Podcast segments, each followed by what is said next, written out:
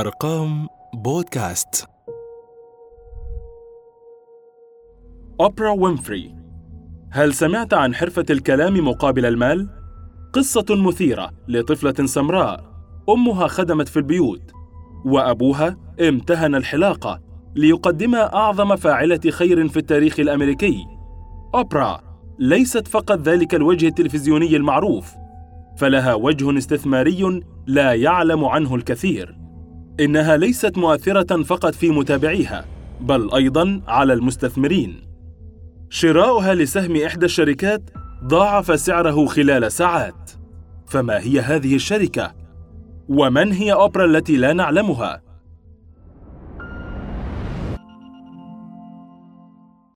And in 1986, I launched my own television show with a relentless determination to succeed. At first, I was nervous about the competition, and then I became my own competition, raising the bar every year, pushing, pushing, pushing myself as hard as I knew. Sound familiar to anybody here?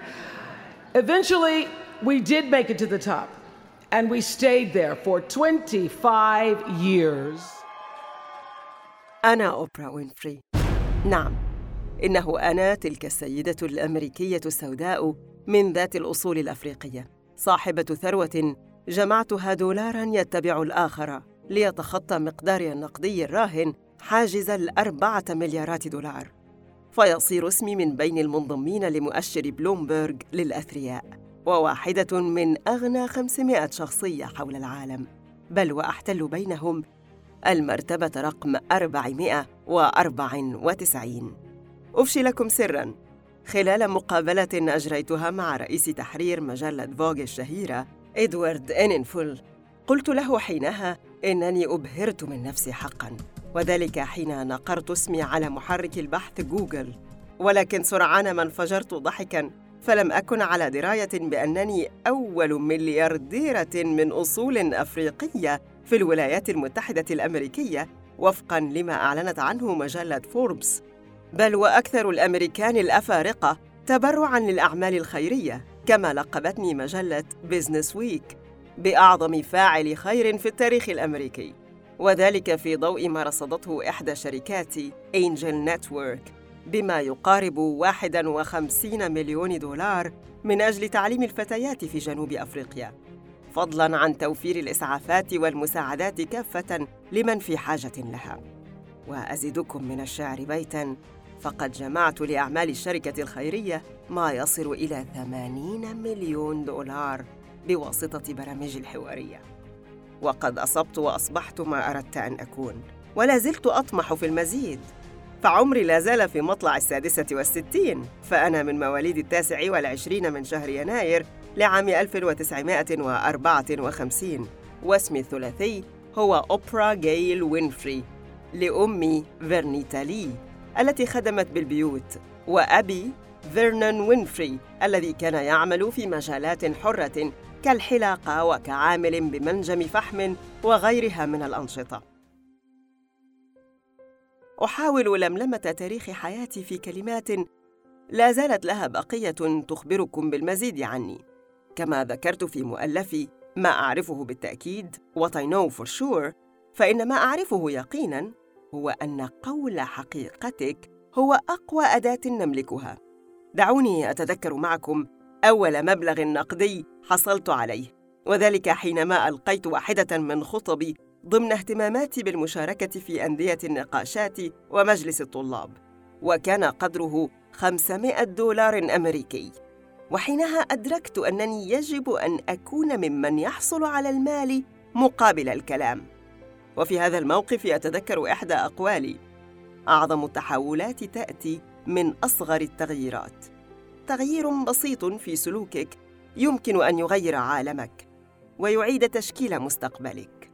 لم تكن خطوات دخول عتبات المجال الإعلامي بالأمر المستهجن أو الصعب بلوغه على الأقل بالنسبة لي. فقد لقبت قديما بين زملائي في المدرسة بالطالبة الأكثر شعبية وتوجت بلقب ملكة جمال الفتيات السود بجامعتي في ولاية تنسي فجذبت الأنظار لشخصي منذ سابق عهدي. وفي مسابقة مواهب نظمتها المحطة المحلية الإذاعية WVOL عام 1971 تصدرت قائمة الفائزين بعد أن حصلت على المركز الأول وانضممت بعدها لصفوف العاملين بالمحطة كمراسل صحفي بدوام جزئي ولم يكن عمري يتخطى حينذاك الثمانية عشر عاماً. ثم انتقلت للعمل كمذيعة في قناة ناشفيل التلفزيونية في سن التاسعة عشر لأصبح أصغر مذيعة وأول أفريقية تقدم نشرات للأخبار. عن ماذا أو ماذا أخبركم بعد مساعي الأولى في بداياتي بالمجال الإعلامي؟ ففي عام 1976 انضممت كمذيعة لبرنامج الدردشة التلفزيوني الناجح People Are Talking وبعد سنوات من النجاح الملحوظ تبعتها الفرصة الأكبر والتي كانت سر إحداث نقلة نوعية في سجل تاريخي وذلك حينما تم اختياري من قبل محطة شيكاغو لتقديم برنامجي الصباحي الخاص AM شيكاغو في يناير عام 1984 على مدار نصف ساعة قبل أن تتحول مدته فيما بعد لساعة زمنية كاملة مع برنامجي المستحدث والأشهر في تاريخي. وبحلول نهاية العام انطلق البرنامج من المرتبة الأخيرة بين البرامج الحوارية ليصبح في صدارة الترتيب. بعد أن تمكنت من جذب نحو مئة ألف متابع إضافي لمشاهدة برنامجي وكانت هذه هي أولى ملامح انتقالي لسماء الشهرة والتحليق عالياً مع نمو معدلات ثروتي المالية.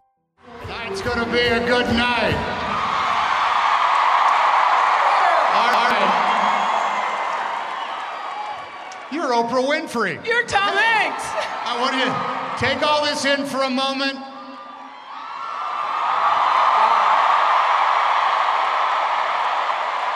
Oprah Winfrey, today you are surrounded by nothing but love.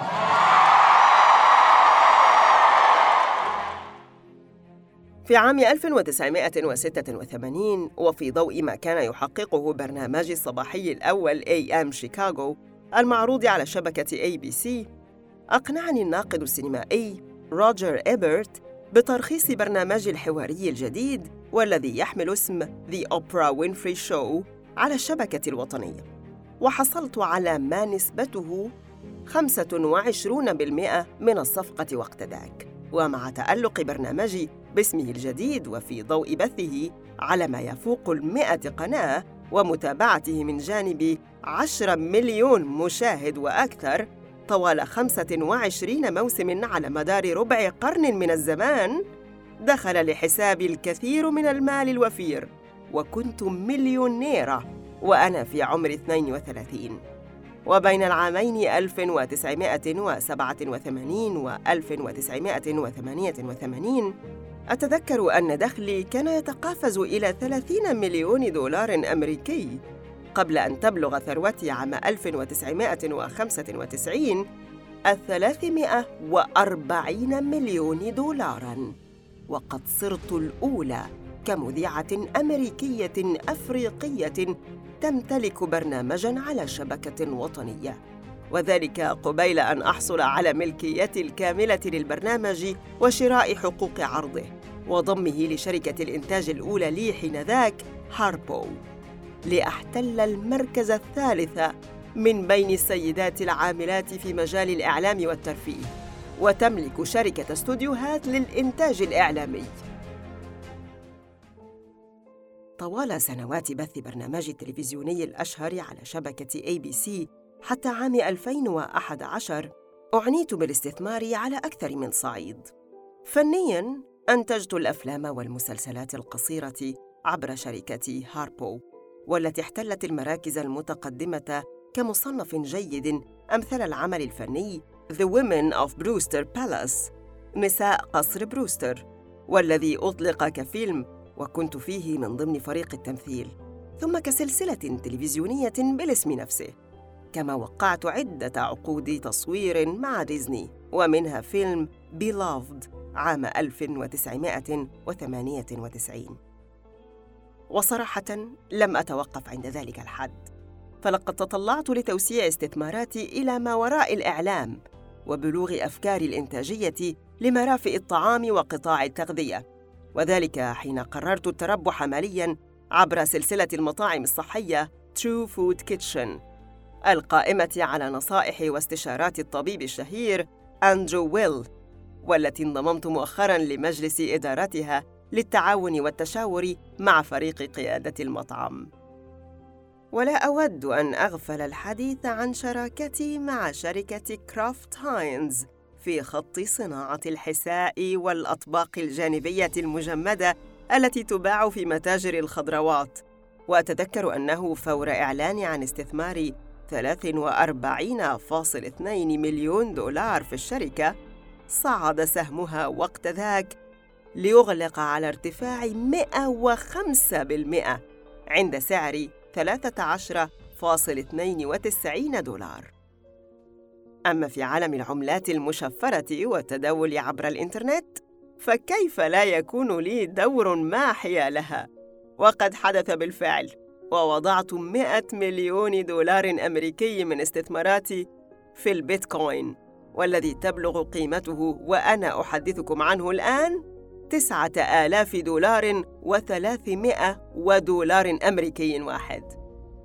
تصدرت القوائم كسيدة أعمال ناجحة لأقرر خوض تجربتي الأكبر على المستوى الإعلامي والاستثماري أيضاً. لينطلق مشروعي التلفزيوني شبكة أوبرا وينفري للقنوات الخاصة. أون عام 2011 بالشراكة مع شركة Discovery Communications والتي تابعها قرابة 85 مليون مشاهد في أول ظهور للشبكة. على العلم بأنني بعت مؤخراً من حصتها ما نسبته 24.5% لصالح ديسكفري للاتصالات بمبلغ 70 مليون دولار كما وصل موقعي oprah.com العمل. وأطلقت قناتي الخاصة باسم Oprah and Friends وهي قناة تعمل على مدار الساعة على راديو XM Satellite فضلاً عن تعاوني الأخير مع شركة أبل بعد انطلاق خدمة Apple TV Plus للبث التلفزيوني المشفر واعتزامي تقديم فيلمين وثائقيين عبر التطبيق المستحدث والذي يتناول أحدهما قضية التحرش الجنسي عبر العمل. والفيلم الآخر عبارة عن سلسلة متعددة الأجزاء ترتكز على مسألة الصحة النفسية. لأعلمكم أمراً، فقد كان مشوار حياتي المتنوع مفخخاً في مساراته بعشرات الجوائز والتي تحمل معها الكثير من الذكريات في عقلي ومن أبرزها وأقربهم لقلبي جائزة حصولي على الدكتوراه الفخرية من جامعة هارفارد الأمريكية عام 2013 ومما أتذكره من كلمات ألقيتها في خطابي كانت تلك التي أردفت فيها قائلة أهم درس تعلمته من خلال مقابلتي مع الناس يوميا أننا نريد أن نكون مفهومين ونود أن نعرف هل هناك من يسمعنا؟ هل يعني ما نقوله شيئا للآخرين؟ علينا التحاور وجها لوجه مع من تختلف آراؤنا معه. لما نكتسبه بعدها من مهارات الشجاعة حين المواجهة. وفي ضوء تطرقي لهذا الأمر سأستعرض معكم بعض اللقطات التي لا تغيب عن مخيلتي والتي كانت أول أدواري على الساحة السياسية. وذلك حينما شاركت في الحملة الانتخابية للمرشح الرئاسي في 2007 عن الحزب الديمقراطي باراك أوباما. ووقتها جذبت أكبر الحشود من أجل إنجاح تلك الحملة وأتذكر كلمتي للجماهير حين قلت إن مارتن لوثر كينغ حلم بهذا يوما لكن يجب علينا ألا نحلم فقط بعد الآن. ينبغي أن نحول الحلم لحقيقة وقد صار وسيظل يصير ودمتم ناجحين. قصص النجاح لن تنتهي. وستستمعون في البودكاست القادم لقصة نجاح أخرى ممتعة بتفاصيل مختلفة. فقط في بودكاست. قصة نجاحي من أرقام بودكاست.